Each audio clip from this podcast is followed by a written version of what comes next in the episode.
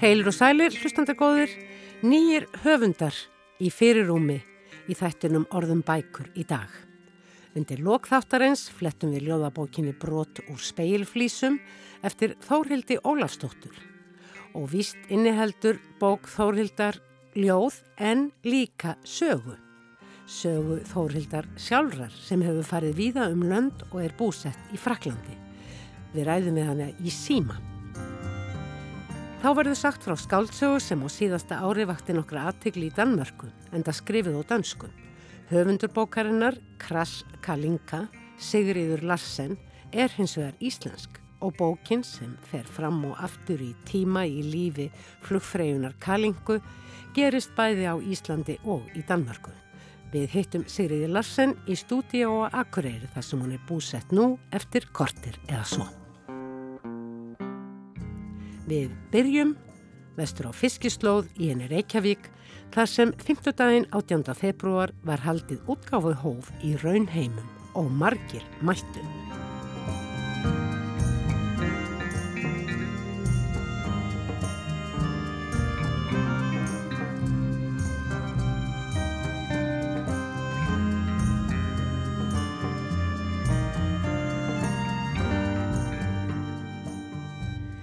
Jæja, góðan daginn og velkomin hérna í fyrsta útgáfahófið árið 2021. Um, það er mjög gaman að það er hún Margret Lóa sem er að fagna fyrstu útkominni og það er fyrir ljóðbókina Draumasapnarar og lesa brot úr bókinu og segja okkur aðeins frá henni.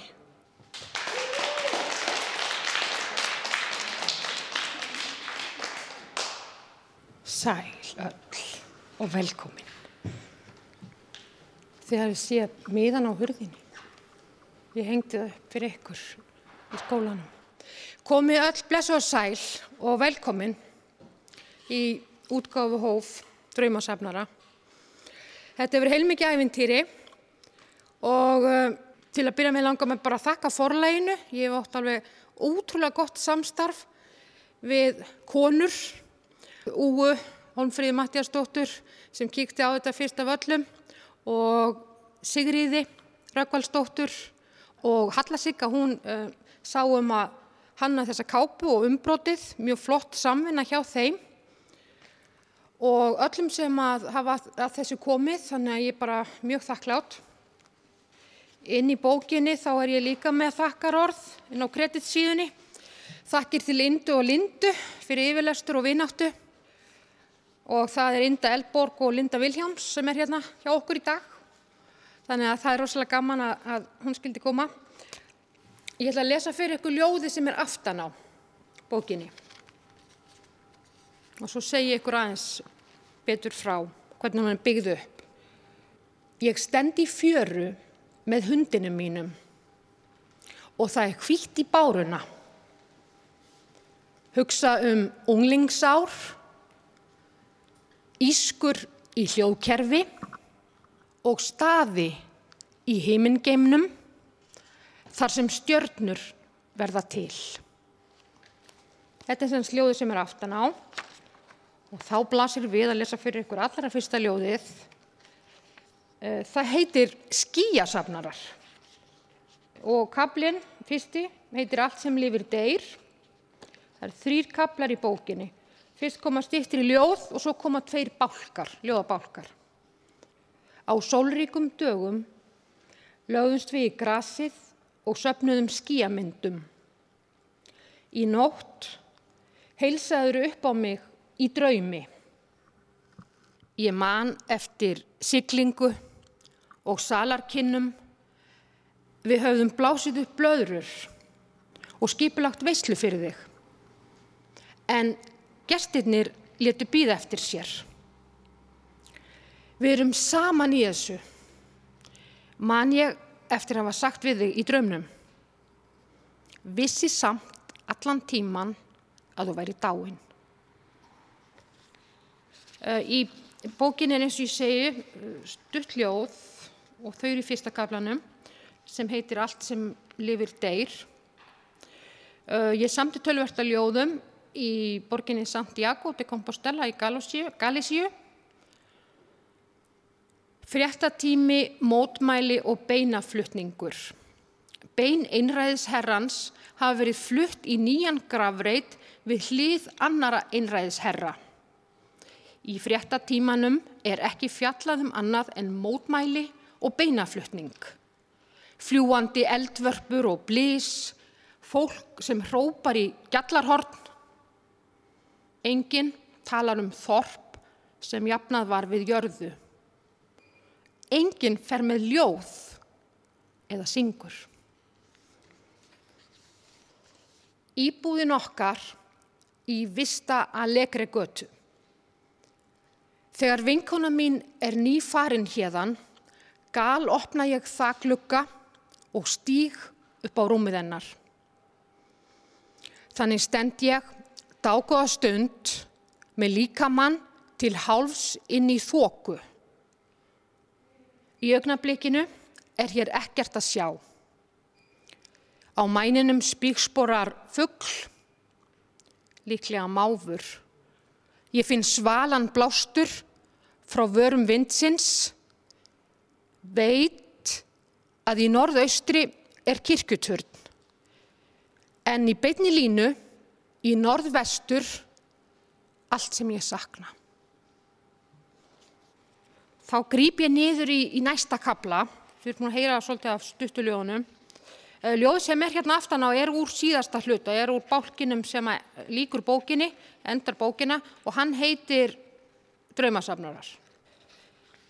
Uh, annar kapli bókarinnar, miðlutin, heitir ákvæmlega einfaldu nafni Vegurinn framöndan og þetta er svona einhvers konar dagbók frá Pílagrímsgöngu. Pílagrímsganga í hitamotlu og dumbungi. Í stuttbuksum og hlýraból týn ég appelsínur sem fallið hafa úr tré. Hér mælum við þrautsegi okkar í dagleiðum. Ég kynnist manni sem segist vera áttaviltur vitavörður. Ný torg opnast og leirfroskar spúa vatni úr gósbrunum. Skref fyrir skref fyrir skref við göngum frá austri til vesturs undir vetrarbrautinni miðri. Kílometrar lengjast í hita. Íkortni flytur inn í hægra heilakvel mitt hoppar þar um og skoppar. Á meðan dinja hamarshögg í vinstra heila kvelinu þar sem verður að standsetja íbúð. Morgundögg býður átækta, vegurinn framundan þýlur marjubænir á öllum heimsins tungumálum. Líksnirtir býður mér stundum blóðbergste úr brúsa. Við skröfum um gæludýr, ferðalög og kryddjurtir. Tölum um aldraða foreldra og farða sem þólir mikinn kulda. Minnumst samt aldrei á dauðan.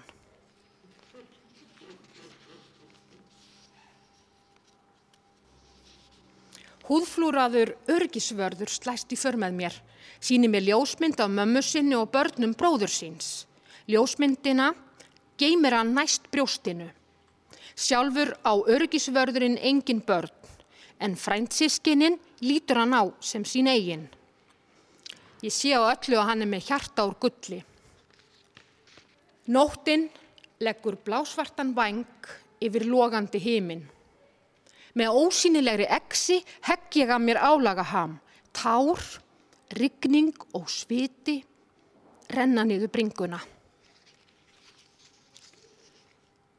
Þriði hlutin er, er eligía, draumasafnarar. Við erum hvött til að ferðast innan hús á meðan heimsfaraldur geysar.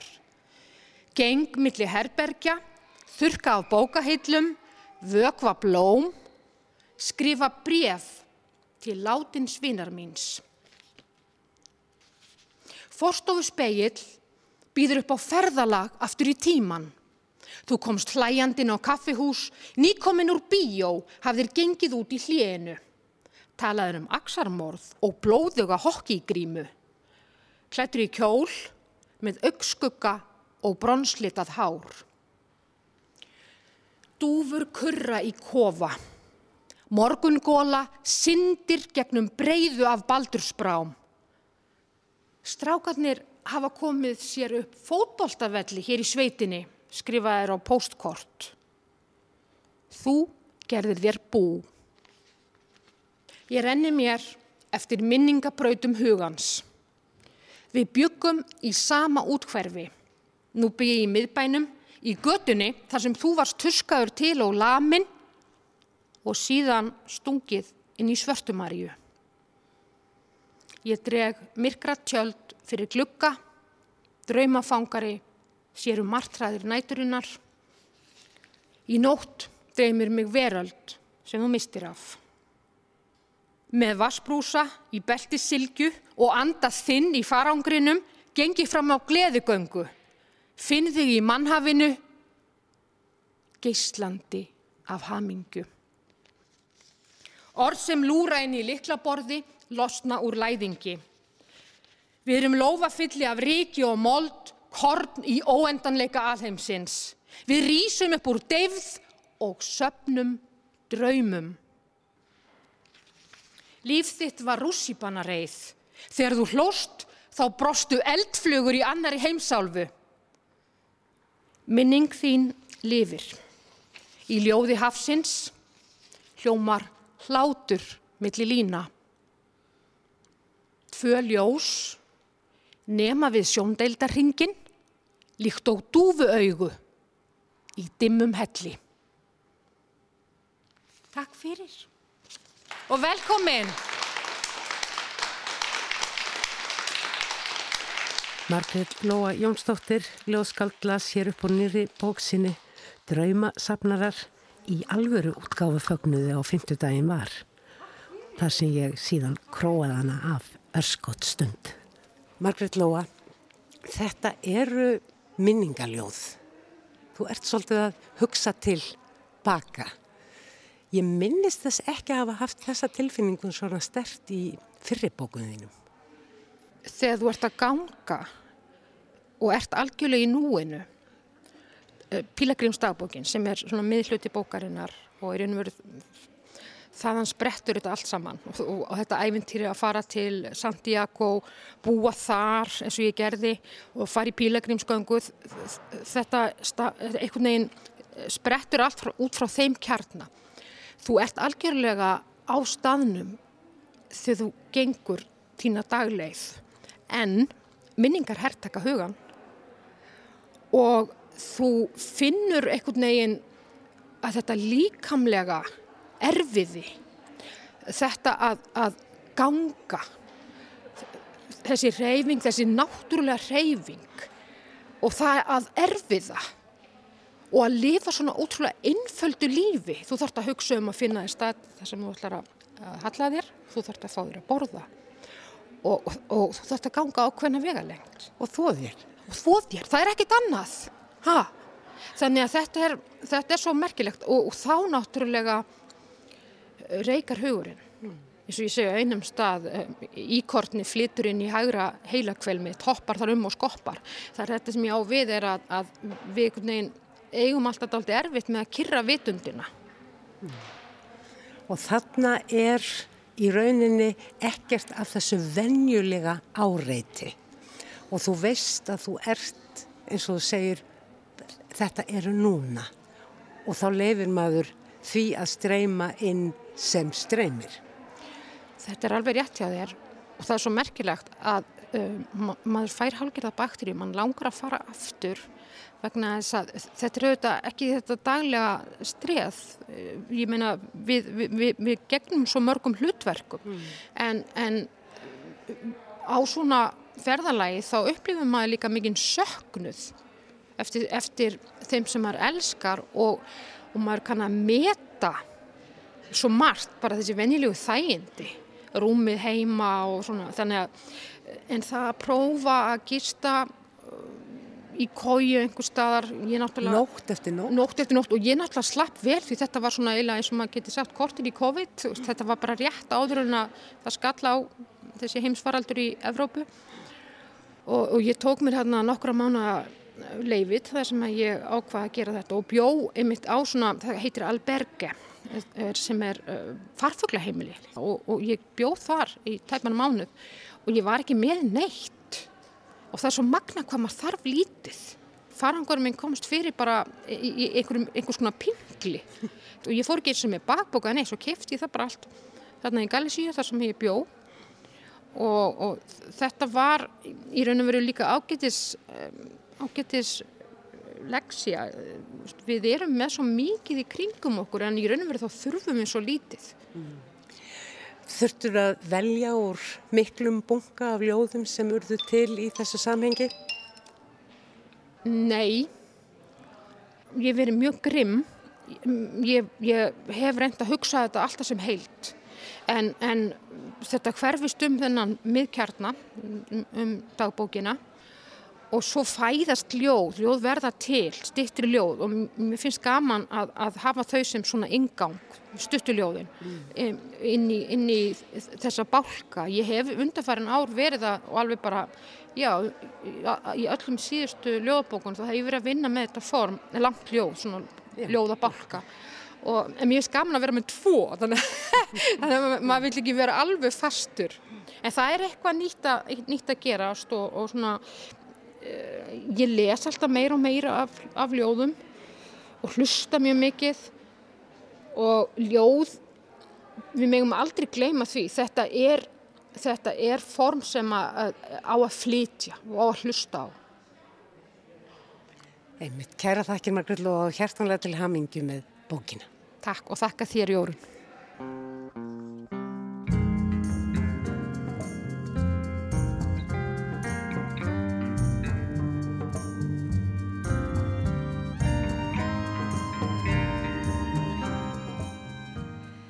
Í sumar sem leið kom út hjá Gladiator bókaútgáfunni í Kaupanahöfn skáltsagan Kras Kalinka sem líklega hefði ekki orðið umfjöldunarefn á þessum vettvangi ef ekki væri fyrir það að sagan sem sögður í bókinni gerist að hluta til hér á landi, á rætur á Íslandi og höfundurinn er íslenskur. Hún heitir Sigriður Lassen og sagan um flugfreyjuna Kalinku er hennar fyrsta skáltsaga. Sigriður hefur verið búsett í Danmörku, lungan úr lífi sín eftir því sem best veit og að ég held starfaði hún líka sem flugfræða eins og sögu heiti hennar. En einni sem kennar í skapandi skrifum við höfunda skóla áður nefnds forlags gladiators sem nokkrir höfundar þeirra á meðal Jósefinni Klúgard sem einhverjir hlustendur getur þekkt stopnuðu í Kaupanahöfn árið 2013 í krafti ástríðu fullrar trúarsinnar á bókmyndirnar sem eldsneiti og aðferð til að breyta heiminum til eins betra. Kras Kalinga fjallar um flugfreyjuna Kalingu sem heitir fullunarfni Solveig Kalinga Karlsdóttir. Á tíma sögunar er hún búsett í Danmörku en hún er íslensk í húð og hár, fætt norður í landi en fylgdi barna aldrei eftir því sem næstöru komist móður sinni til Danmörkur. Við fylgjum kalingu í flugfreyjudraumunum án þess að vita nákvæmlega hvaðan sá draumur kemur. En bókin segir líka sögu formaðra hennar og feðra aftur í aldir og Íslandssöguna eiginlega allt frá byrjun. Fyrst og fremst er þetta þó kannski saga um sigurgöngu kapitalismas og hvernig peningar ákvarða alla hluti. Það er á meðal útlitt og tilgang kvenlíkamanns. Mart fleira ber á góma í þessari sögu eins og til dæmis loftslagsbreytingar og Eurovision, svo eitthvað sé nefnd. Allt fer þetta fram í nokkuð rasandi fart í sviðsetningu skemmtana yðnaðarins, líkum ég við að segja, en eh, söngleikjur og dægulega tekstar koma víða við sögum. Heil og sæl Sigriður Lassen í stúdíu og Akureyri. Það verður, að, að segjast eins og er að maður verður næstum því móður af því að lesa þessa bók sem er kolsvört á kápuna með lýsandi bókstöfum kraskalinka. Segðu mér aðeins frá hugmyndinu af þessari bók og hvernig þú lýsir henni. Já, um, það var nú eiginlega engin hugmynd að baki, þannig séð. Um, þetta var eiginlega bók sem bara, sem eiginlega skrifaði sér sjálf, þetta, þetta byrja á ljóðum sem, sem eiginlega bara urðu að bók. Mm. Og uppröðinlega, eða á sömari 2018, þá var þetta mjög þykk bók, 500 blaðsögur. Þú skoruði hana niður um Verðin helming. Já, hún enda með að vera svona, finnst mér, pixi bók. en þarna, já, hún var kannski einum of róttæk í sinu upprunlega formi, svo, svo ég reyndi að gera hana aðeins svona ætilagri. Hmm. Það er ekki svona beinlinis það er söguþráður en þú hoppar mikið fram og aftur og við stökkum svona inn í ólíkar senur á ymsum tímum sko eins og ég segja alltaf aftur til upphafs Íslandshögunar. Hvernig, hvernig vannstu þetta? Ekki vannstu þetta í þeirri röðin svo þetta kemur okkur fyrir sjónur í bóki, bókinu, þú lítur að hafa byggt hana eiginlega eftir á. Já, það er einmitt málið. Þetta eru ekki sögu þræðir, þannig sé, þetta er kannski meiri sögu svið, svona sem tengjast saman og, og það er einmitt, já, mikil saman, samþjöppun, atbyrða, svona hugrenningatengsl og þú veist, já, þetta er kannski frekar svona óhamið form, mm. ekki mhm. endilega raukrænt og hvernig atbyrðu tengjast í tíma og rúmi og varpa ljósa og hvern annan og já, einmitt uppbyggingin var ekki hugsu, heldur tengja slutinni meira svona út frá einhverju ljóðurænu formi en heldur kannski því að skapa einhverja merkingu. Það er kannski það sem ég var að reyna að brjóta upp, þú veist þessa, þessa típisku skáldsögu, hvað segir mann, þennan rauða þráð sem oft er Já. í skáldsögum. Og líka, sko, það er, það er ótal personur í, bók, í þessari bók. Það er alveg stór ættbógi og ég var stundum svolítið ruggluð hver væri hver því að eins og týttir í fjölskyldum, það heitir fólk sömunöfnum, heitir í höfuð á og svo framvegis. Já. Og uh, við stöldurum ekkert lengi við en við fáum svona mjög skýrar útlínur á hverri personu og svona hvað ennkennir þær en eins og ég sagði áðan mér er einhvern veginn alls ekki ljóst af hverju Kalinka á sér þennan svo sterka draumum að verða flugfriða nema bara að þjónur flugrætt að það sé rótin. En það skiptir kannski ekki máli.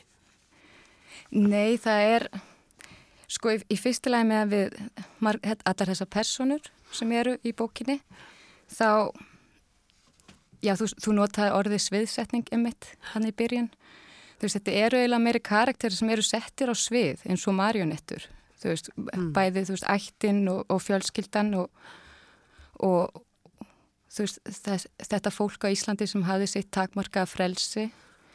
Og svo, svo er Kalinka í nútímanum sem er með ótakmarka frelsi þannig séð. En þetta er frelsi sem er ótrúlega máttlaust einhver meginn í nútíma samfélagi um, svo hún er hún er kannski ekki beinleðis hún hefur enga rödd Nei, það er rétt í sjálfið sér. Eða veist, hún er eiginlega svona peð í atbyrjarás mm. uh, sem hún hefur ekkert vald yfir. Og svona ekki eins og svona tradísjonal svona harmleikur kannski, það er ekkert örlög sem spila inn hérna, heldur bara viðbyrjur, fyrirbæri eða þú veist, dýnamík. Já. En það, veist, það sem ég finnst eiginlega svolítið mikilvægt í þessu öllu, það er það er formið. Veist, á bókinni að það er eiginlega engin einn sögumadur og ég veit ekki, það er eitthvað sem ég, sem ég finnst mjög svolítið mikilvægt að þetta er ekki svona hvað segir maður á íslensku, vitundaflæði veist, það, það er margi sem, sem hafa tólkat það sem svona óbeina rödd kalingu kannski, þessi rödd sem, eh, sem talar hérna mjög rætt og um allt. En þetta kannski meira eru svona marga rættir í gangi í bókinni. Mm. Já, stundum er eins og við förum inn í drauma hennar en kannski er það einmitt þessi rödd. Þetta er mjög óvennileg bók og hún tekur mann vissulega með trökki og það er fyrir mig sem að kann svona ágætlega mín að skóladönsku var þetta ekki alveg einfald lesning því að þetta er mjög svona nútímælega danska, mikið um ennskuslettur, jáfnvel heila setningar, svo er slett íslensku Það, verður, það engin, verður engin hægðarleikur að þýða þessa bók? Nei, já, líka erfitt með að sjá það fyrir mér en það verður gaman að reyna. Já, áskorin er það sannarlega. já. En kjarnibókarinnar er þessi, þetta flugfræðustarf sem er, sínist mér nú eftir að hafa lesið þessa bók, afar margslungið og, og merkingar þrungið starf í svona fyrir okkar samfélag og fyrir um, já, okkar samfélagsgerð. Þú krefur þetta starf mjög nákvæmlega. Og þetta er starf sem að marga dreymir um að gegna, ekki síst stúlkur. Og það lítur mjög ströngum reglum hins svo kallaða grooming manuals Já, sem er einhvers konar snirti og hegðunar handbók sem segir allt um það hvernig flugfreyju skuli líta út, nefnilega þessi kvenlíkami sem eins og segir á einum stað er í eðli sínu fráhrindandi, enda skulu öll hár í burtu og allar ójöfnur. Og ég var nú að spyrjast fyrir hérna um þetta, þennan grooming manual og þeir sem að þekkja flugfreyjustarfi þekkja allir grooming manual En þetta orð grúming það vísar líka til svona hegðunar valdspersona, oftast kallmanns, til að innræta fornalampi rétta, sannarlega innan markfaldra gæsalappa, hegðun í, já, við áfbeldisfullar aðstæður, jáfnvel kynferðisofbeldi, barnagerind og svo framvegs. Hugsaður eitthvað um þetta? Já. Þetta, þú gerði það, mér dætt það í. Já, já, það er allt allt hugsa mm. en þarna þú veist það er já þessi grooming uh, manual já sem, sem hefur mikið plás í bókinni. Um, mér fannst mér finnst það líka vera gott dæmi um hvernig þú veist í skáldsögum þá er oft það sem er talið til um, heim kvenna. Talið vera lákurulegt einhver meginn eða þú veist miskusti áður fyrr, þú veist, allt sem tengis líkama til dæmis, um, líkamsformi, háruvöxt og þú veist, það sem konur eigða tíma í, getur líka að barspurður og hvað sem er. Mm. Um, Uppvask og allt þetta? Pínlega, já, allt sem tekur tíma hvenna og þarna, svo, já, það, og það var eiginlega, úr því þú spurði hvernig, hvernig bókin var til, En það var eiginlega upp úr þessu uppröndilega, þessi grooming manual sem fætti bókina. Það er ljósmóðurinn.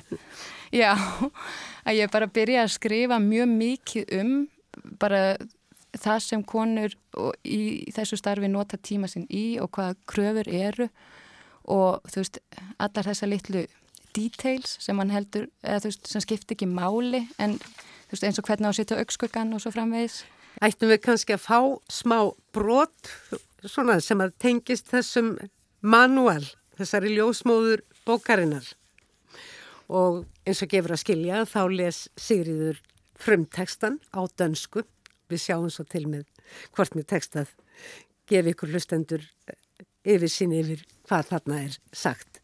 Gjör það svo vel, Sigriður. Hver dag skal gruppen møde op klokken 8 sharp i stewardesse-lignende outfit. Rapper over lårene, Miss Piggy, hvis nederdel er for kort eller værre end nu, uhørt bundsk ned til læggene, så både lægge og hofter ser abnormt tykke ud. I kan lige så godt vende jer til standarden. French twist, den klassiske stewardessefrisyre, vi alle forbinder stewardessen med, der som så meget andet i branchen har overlevet et halvt århundrede. Til gengæld er den umulig at lave en gordisk knude. Á hverjum degi á hópurinn að mæta klukkan 8 sjarp og veri í flugfræðilegu átfitti. Toga yfir lærin mis Piggy er pilsiður og stutt eða það sem verra er illa sniðið þannig að leggir og mjadmir sínast ömulega digurt. Eins gott fyrir ykkur að venja ykkur við standardin hér. Klassíski núturinn French Twist sem við allar tengjum við flugfræður og sem hefur eins og margt annað í bransanum lifað allar tískusveiflur í hálfa öld. Reyndar er reynd ómögulegt að setja hárið upp í þennan gordianska nút. Hárspray, nóg af hárspray. Astrid sínir hvaða þarf í alvöru mikið af spreyi, einn pjórða úr stórum lórearbrúsa og hópurinn spreyja þanga til allar eru komna með tár í augun og loftið orðið sjálf íkveikjandi. It is a truth universally acknowledged that personal grooming is a key factor in maintaining a safe and proper environment. Grooming manuallin er afhendur hverri og einni við hátilega aðtöfn. Appelsínugul undbundin biblíu upp á 53 síður og það stendur allt svart á bleiku í styrbusalegri ensku með áhrifamiklu myndum og örfum fyrir þær sem ekki ná orðunum nógu vel. Allt frá stíliseringu og hyrðu andlitshúðarinnar til naglabæðsins. Hendur, neglur, leifilegar hárgreslur, rétt umgengni við búningin og nótkunn farða og skartgripa. Grooming manualin er eins og allir aðrir manualar sem afhendir eru lög. Brot gegn þeim varða brottræstri. Hårspray, masser af hårspray. Astrid viser, hvor meget hårspray der faktisk er til. En kvart dåse af de store fra L'Oreal, og kroppen og gruppen sprayer og sprayer til alles øjne løber i vand og luften i lokalet. Selvantænder. It is a truth universally acknowledged that personal grooming is a key factor in maintaining a safe and proper environment. Grooming-manualen bliver overragt til hver og en ved en højtidlig ceremoni. En orange indbundet bibel på 53 sider, der siger det hele sort på pink, hjælpeløst engelsk, ledsaget af inspirerende billeder og pile for de lidt mere tungnemme, styling og pleje af ansigtshuden ned til nøglebenet, hænder, negle, tilladte måder at sætte håret på, den korrekte brug af uniform, makeup, smykker. Grooming-manualen er, som de andre manualer, der udleveres, lov, overtrædelse af lige med fyring. Það er sko ekkert annað. Það verður að fylgja settum reglum annars á maður á hættu að verða einfallega rekin.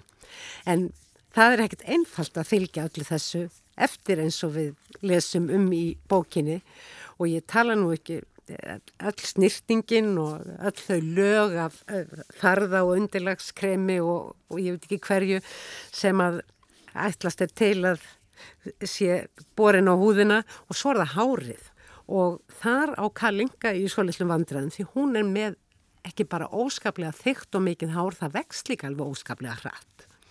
Og þetta er gegnum gangandi gegnum bókina. Brandur af hennar var með svona þygt hár og móður hennar líka. Já, og langama. Já, einmitt.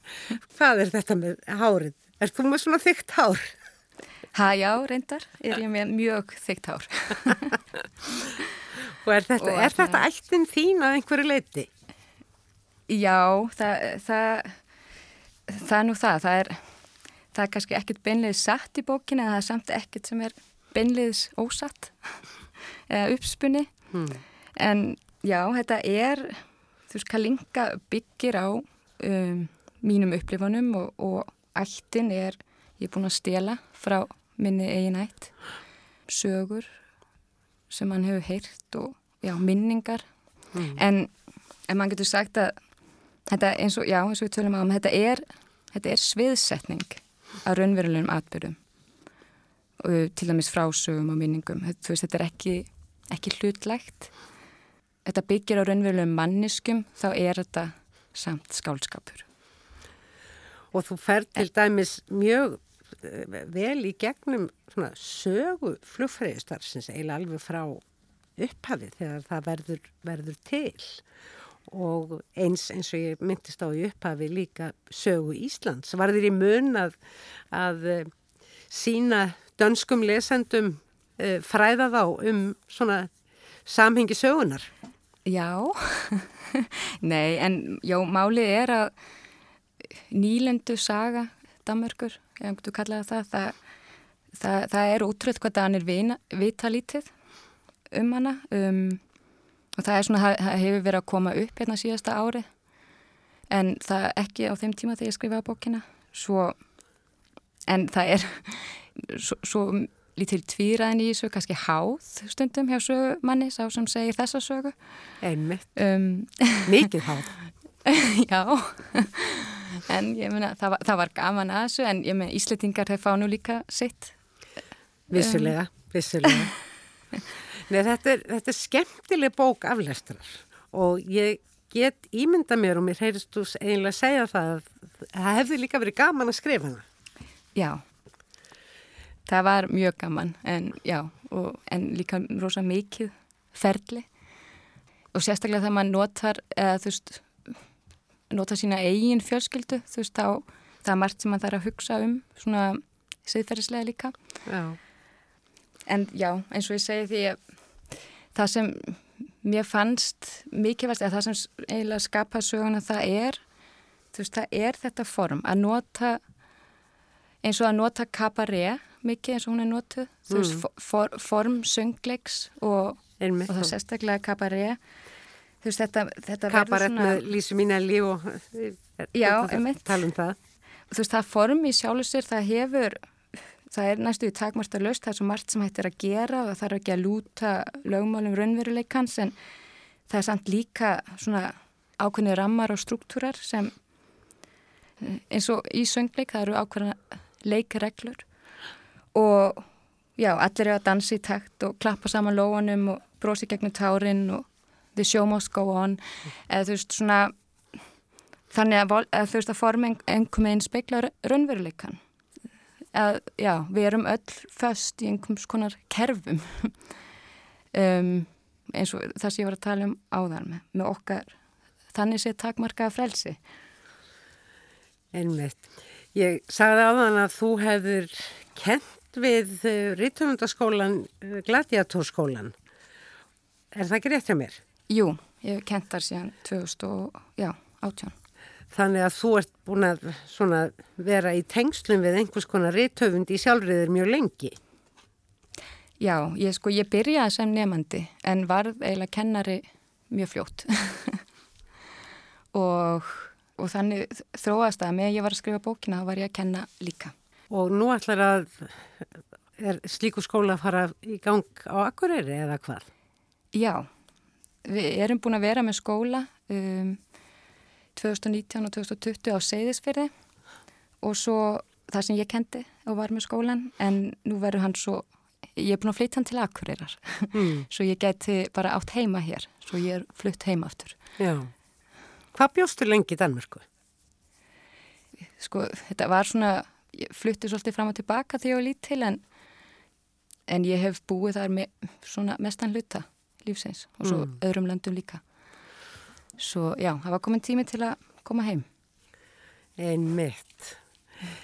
En ég óskaði til hamingi með, með þessa bók, hún er mjög óvinnileg og ég skora á íslenska þýðundur að, úr dönsku að tekka á henni og gera tilrönd til að þýðana. Það er virkilega þess virði. Og gangið er vel, Sigriður Lassen. Já, takk fyrir og takk fyrir að bjóða mér í þáttinn.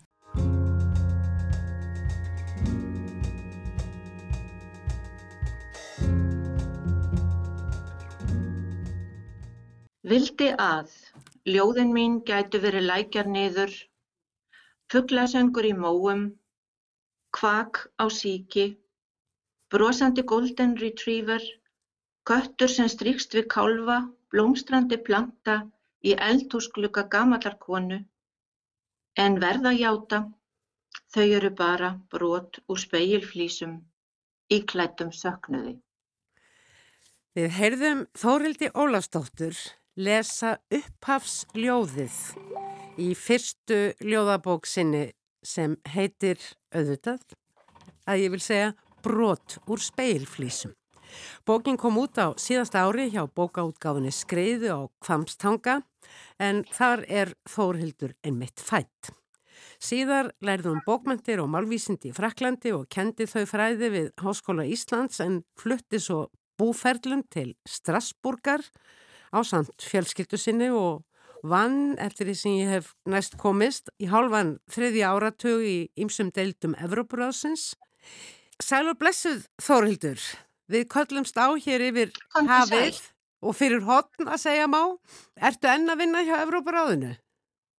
Nei, ég hérna fór á eftirlaun fyrir nokkrum árum. En þér líkaði það vel. Þú var síðast að vinna við ment menntunar og æskuliðismál eftir því sem ég mér síndist. Já, ég var yfirmaður þeirra deildar, mjög stórar deildar og hérna ég var á ymsum stöðum reyndar í Afróparáðun, ég var í tíu ár yfirmaður jafnbreytismála hvern og karla og síðust, og síðust ári mín var ég, ég held 11 eða 12 ár yfirmaður í menta og æskuliðismálum. Varstu alltaf að yrkja svona meðfram? Nei, ég hafði nú lítinn tíma til þess, skal ég segja þér. Ég hérna, hef samt verið pínlítið að yrkja kannski allt mitt líf Ég var mjög hagmæltur krakki, bjóti vísur og ljóð og held ég hafi líka orðaldi mikið þegar ég var unglingur. Svo fór ég til Fraklands og, og þá hérna gekk ég einhvern veginn alveg inn í franskuna og ég hætti að yrkja á íslensku. Og svo smátt og smátt þá fór ég svona aðeins aftur að bæði skrifa og yrkja og, og gera eitthvað. En það hefur alltaf allt farið í skúfuna. Þessi bók, Brotur speilflísum, þetta er látlaus bók, lítur út svona út undan manni eh, eins og bara lítið hefti, brúnleitað lit, en hún er afar efnismikil samt sem áður í öllum skilningi. Rúmlega hundra blaðsýður og ljóðin flest nokkuð laung og þú ert í þessari bók svo lítið að segja lífsöguðína. Bókin skiptist í fjóra hluta. Uppáslutin heitir Nú, síðan kemur koma sorgir, augnablík og heima. Fyrsta ljóðið þessum fyrsta hluta heitir einfallega ætterni. Það gerur grein fyrir sjálfriðir í laungu ljóði. Og síðan kemur ljóðum sem heitir Mamma og þar kemur pólskiri töfundurinn Olga Tokarczuk við sögu, en eins og hún leiði ykkur saman Mhm. eða beini hugaðínum þangað og svo er í þessum fyrsta karplan okkur ljóðum staði eða kannski öllu heldur náttúrufyrirbæri, skó, vatn eða ár en það er útþrá í þessum kapla einhvern veginn sem að staðfestist síðan í köflunum sem á eftir koma að þú hefur farið víða um heim. Já. Og, og lokakablin sem heitir heima, hann er kallast eiginlega ávið þennan upphafskabla en Þar er sko útþráin eiginlega horfin og meiri svona staðfesta og eirð komin í ljóðin. Hvernig líst þér á þessa lýsingu á bókinu þinni? Veistu það, ég held að þegar hérna ljóðabækur og alla bækur, þegar það eru komnar út þá á höfundurinn það er ekkert lengur. Þannig að þín lýsing bara passar ágætlega en það er auðvitað að lesa þetta öðru í sig líka. Ég held að kaplun núið það sé svona kannski, hvað ég má segja, það sem að persónan finnur, persónan sem er að skrifa ljóðin finnur á sér svona á síðustu árum. Það eru ekki minningar eins og kemur koma síðan sko. Þetta eru ekki minningar heldur einhverjar upplifanir, segir þau? Já, ég held það. Já, akkurat. Þú verðist hafa ferðast mikið og í þessar, þessum fyrsta kapla ef ég mann rétt, þar er ljóðið Óskastund í Antalía. Einmitt. Hvar er Antalía? Antalía er á suðvestur strönd Tyrklands við miðjarahafið. Spurning hvort að þú lest þetta ljóð? Já, bara alveg sjálfsagt. Ég skal lesa Óskastundina í Antalía. Það er enda síðasta ljóðið í þessum kapla. Nákvæmlega.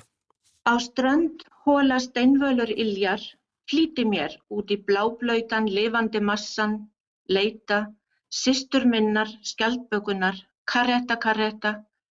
Eitt sinn syndum við saman góðan spöl, gleimist aldrei, nákvæmlega hér. Magar okkar snertust, síðan bökin, svo stakk hún sér. Ég snökti í sjónum, ekki í stakk búinn til að láta hana hverfa í hildýpið.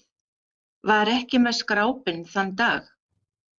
Hef síðan lagt á djúpið, einsömul, ásamt minningunni um okkur tvær, þessa óskastund. Endur nærð af sjávarbaði, leita uppi tekarðin, sitt og nýt í óraviðri byrtunni. Þó hjarta sé fullt af missi á þessum stað í tilverunni, gleimist allur óþarfi, aukastús, engra óska þörf. Eftir verður kjarnin í lífinu, óskastundirnar. Ræ á minningaskektunni, uns hún kemur, róin, blessuð róin. Mér finnst þetta ljóð daldið ofinbera, hvað ég segja, personuleika þessarar bókar. Það er þarna eitthvað mm. nýtt, það er þarna líka söknuður og vilji til þess að rafa ímsu saman. Og svo er þarna skjaldbaka. Skjaldbaka kemur aftur við sögu. Þetta er ekki algengt minni í íslenskri ljóðlist, skjaldbaka. Hvaðan koma þessar skjaldbökur? Hefur það eitthvað með berskjöldun að gera? Skjaldbakan í hinuljóðinu, skjaldbaka í bæjat. Mér virðist það nú mhm. vera önnur skjaldbaka? Það er allt önnur skjaldbaka. Það er landsskjaldbaka. Þetta er hendar ljóðið Óskastund í Antalja. Það er byggt á, á einhverju sönnu. Sko. Ég syndi við hlið skjaldbökur, sæskjaldbökur, stórar og ljóðið var til úr því.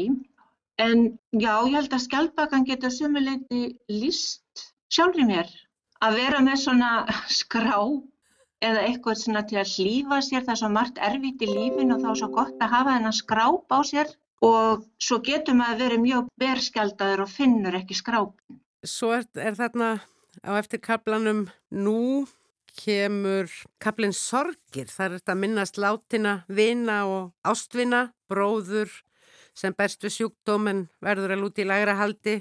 Eitt ljóðið heitir Viljana sem mun vera nafn og góður í vinkonuðinni, ég las það einhver staðar mm. sem er látin og eitt ljóðið heitir Mállausasorgin og hún fjallar mm. um ástarsorg einhvers konar, kannski æsku ást sem er ekki lengur treguð en skipti samt máli í lífinu.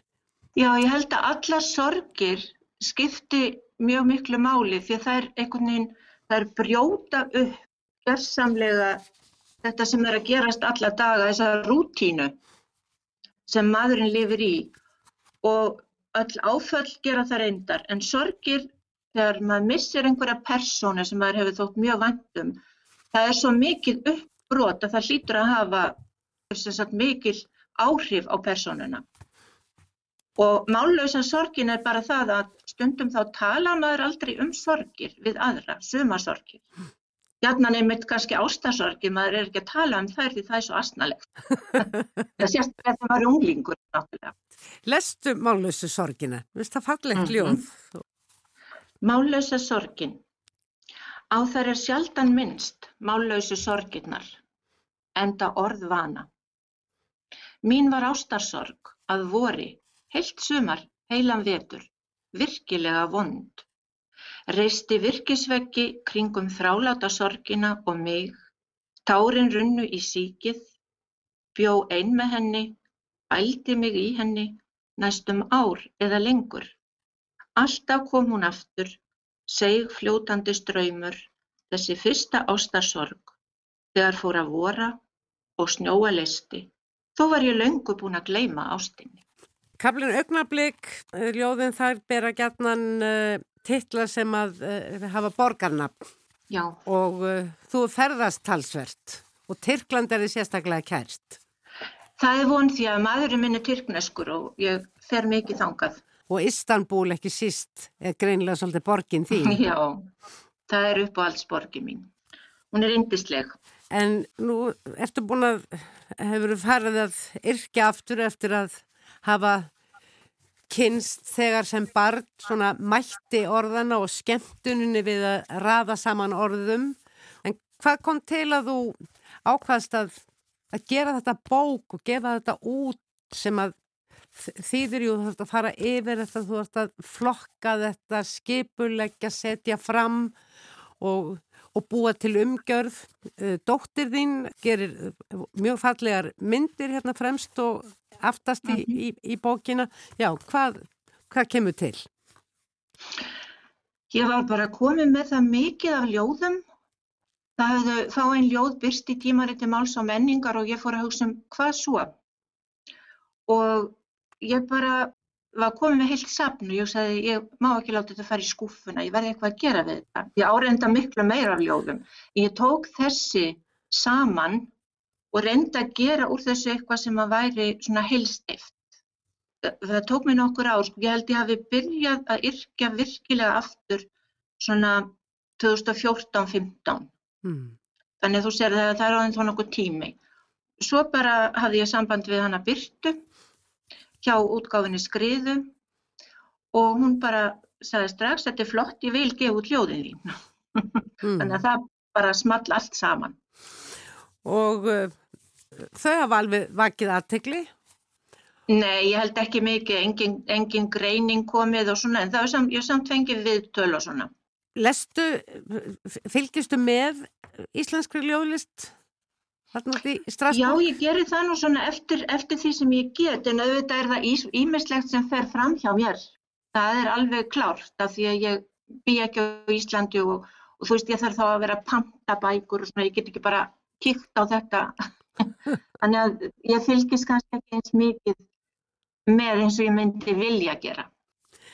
Mér fannst gaman að lesa þessa bók og ég las hana eiginlega ekki síður sem sögu, sem svona lífsferðalag, brot úr speilflísum.